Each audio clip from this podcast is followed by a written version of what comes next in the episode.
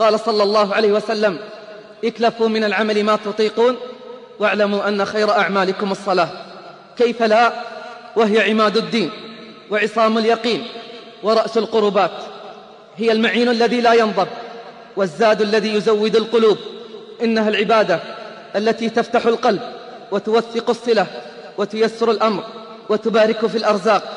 بدأت صفات المؤمنين بالصلاة وختمت بالصلاة. لعظيم مكانها في بناء الإيمان وهي أكمل صورة من صور العباد. كما قال الله قد أفلح المؤمنون الذين هم في صلاتهم خاشعون ثم ختم صفاتهم بقوله والذين هم على صلواتهم يحافظون فأين نحن من صلواتنا؟ كم عمرك اليوم؟ كم بلغت من العمر اليوم؟ بلغت الثلاثين أو الأربعين أو الخمسين أو الستين أو دون ذلك. تعال تعال نرى مقدار الربح والخسارة. لن أسألك عن الستين ولا عن السبعين ولا عن العشرين والثلاثين. سأسألك عن عام مضى. سأسألك عن عام مضى منذ بداية العام حتى يومنا هذا. كم مرة فاتتك صلاة الجماعة؟ اجرد الحسابات. مرة. مرتين أو ثلاث. كم مرة؟ ناداك مناد الله. الصلاة خير من النوم. وواقع الحال يقول النوم خير من الصلاة. مرة أو مرتين. نعرف أقوام تفوتهم كل يوم. نعرف أقواما تفوتهم كل يوم ولا هم يتوبون ولا هم يذكرون ألا يظن أولئك أنهم مبعوثون ليوم عظيم يوم يقوم الناس لرب العالمين. أسألك بالله يا من تظن أنك من المحافظين والمداومين كم مرة فاتتك تكبيرة الإحرام؟ مرة مرتين أو ثلاث. يقول وكيع إذا رأيت الرجل تفوته تكبيرة الإحرام فاغسل يديك منه. إذا رأيت الرجل تفوته تكبيرة الإحرام فاغسل يديك منه. قلت لله المشتكى كيف لو نظر في حالنا ونظر في صفوفنا ونظر في مساجدنا بدأت صفات المؤمنين بالصلاة وختمت بالصلاة. قال صلى الله عليه وسلم الصلاة خير موضوع فمن استطاع أن يستكثر فليستكثر حسنه الألباني. وقال سيد العابدين صلوات ربي وسلامه عليه ألا أدلكم على ما يمحو الله به الخطايا ويرفع به الدرجات إسباغ الوضوء على المكاره وكثرة الخطى إلى المساجد وانتظار الصلاة بعد الصلاة فذلكم الرباط. فذلكم الرباط. وقال بأبي هو أمي من خرج من بيته متطهرا إلى صلاة مكتوبة فأجره كأجر الحاج المحرم. ومن خرج إلى تسبيح الضحى لا ينصبه إلا إياه فأجره كأجر المعتمر.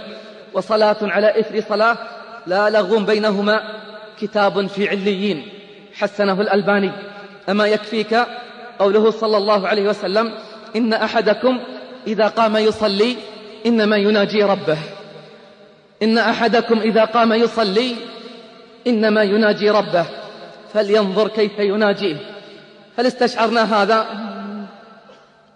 اعلم أن للعبد بين يدي ربه موقفان موقف في الدنيا وموقف في الآخرة. أما الموقف الذي في الدنيا فوقوفنا بين أيدي ربنا في الصلاة. أسألكم بالله هل خشعنا؟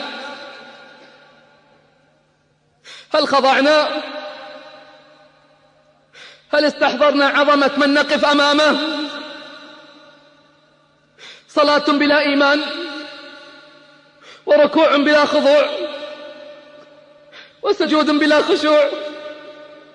كيف يظهر أثر الإيمان وأثر الصلوات؟ إن أحدكم إذا قام يصلي إنما يناجي ربه فلينظر كيف يناجيه. فموقفك الأول بين يدي ربك في الصلاة وموقفك الثاني يوم القيامة لتسأل أول ما تسأل عن هذه الصلاة. إن صلحت أفلح العبد وفاز وإن ضاعت خاب وخسر. علم العباد قدر الصلاة وأنها ميدان سباق فانطلقوا يتسابقون ولسان حالهم من فاته منك وقت حظه الندم ومن تكن همه تسمو به الهمم. روى مسلم عن ابن مسعود قال ولقد رأيتنا وما يتخلف عنها إلا منافق. كم هم اليوم؟ كم هم اليوم المنافقون؟ لقد رأيتنا ما يتخلف عنها إلا منافق. معلوم النفاق. ولقد كان الرجل يؤتى به يتهادى بين الرجلين حتى يقام في الصف مع شدة مرضه. لله ضرهم من مرضى. لا والله. بل نحن والله المرضى. بل والله نحن المرضى. مرضى القلوب. مرضى القلوب الغافلة والقلوب القاسية. البعيدة عن الله جل في علاه. عن عطاء بن السائب قال دخلنا على أبي عبد الرحمن السلمي وهو يقضى يعني ينازع. وهو يقضى وينازع في المسجد. فقلنا له لو تحولت إلى دارك وفراشك فإنه أوثر فقال لهم حدثني فلان عن فلان. أن النبي صلى الله عليه وسلم قال لا يزال أحدكم في صلاة ما دام في مصلاه ينتظر الصلاة. والملائكة تقول اللهم اغفر له اللهم ارحمه فأنا أريد أن أموت في مسجدي وأنا في انتظار الصلاة.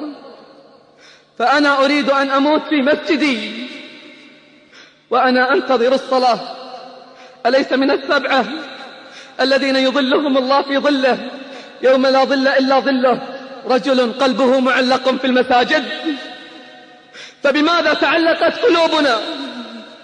بطاش ما طاش وأكاديمي ستار والشاشات والقنوات وأعراضنا تنتهك ونساؤنا تغتصب.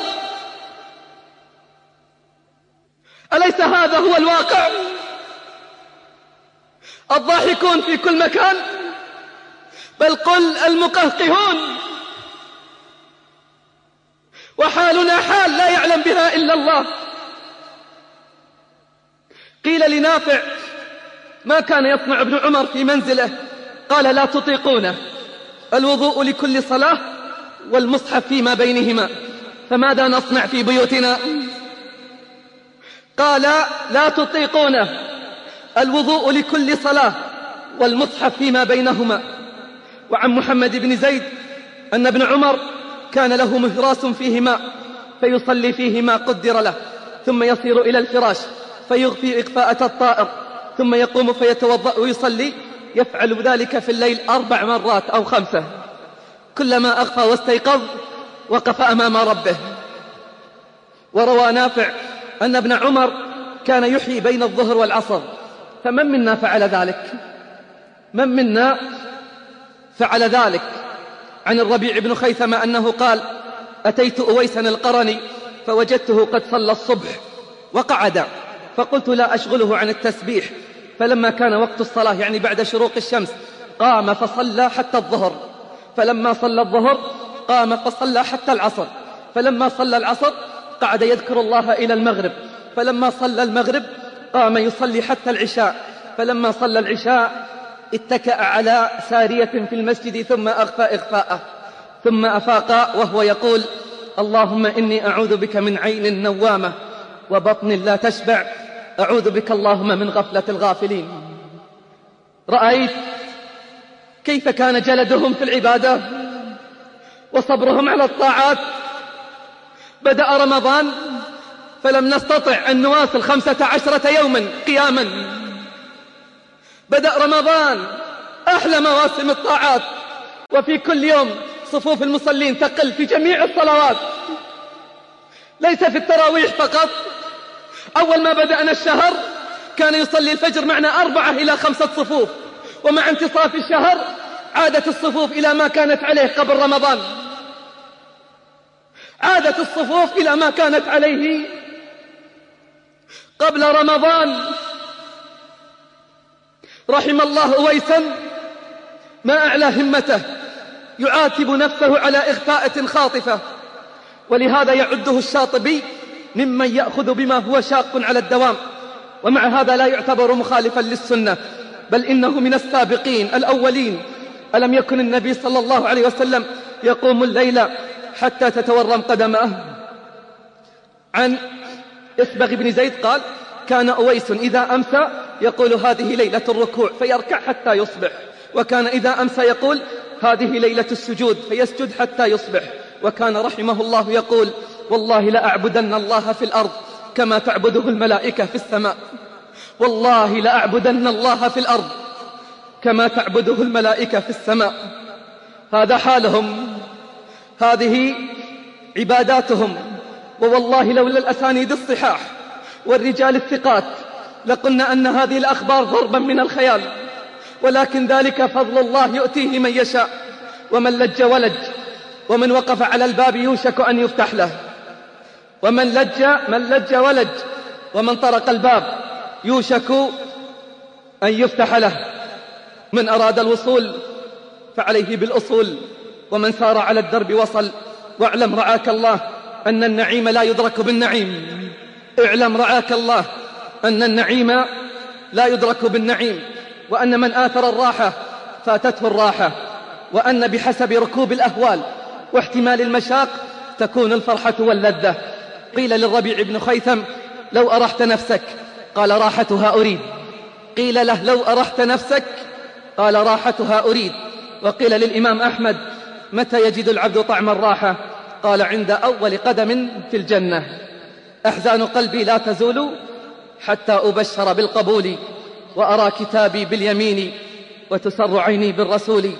عوتب أحدهم لشدة اجتهاده فقال إن الدنيا كانت ولم أكن فيها إن الدنيا كانت ولم أكن فيها وستكون ولن أكون فيها.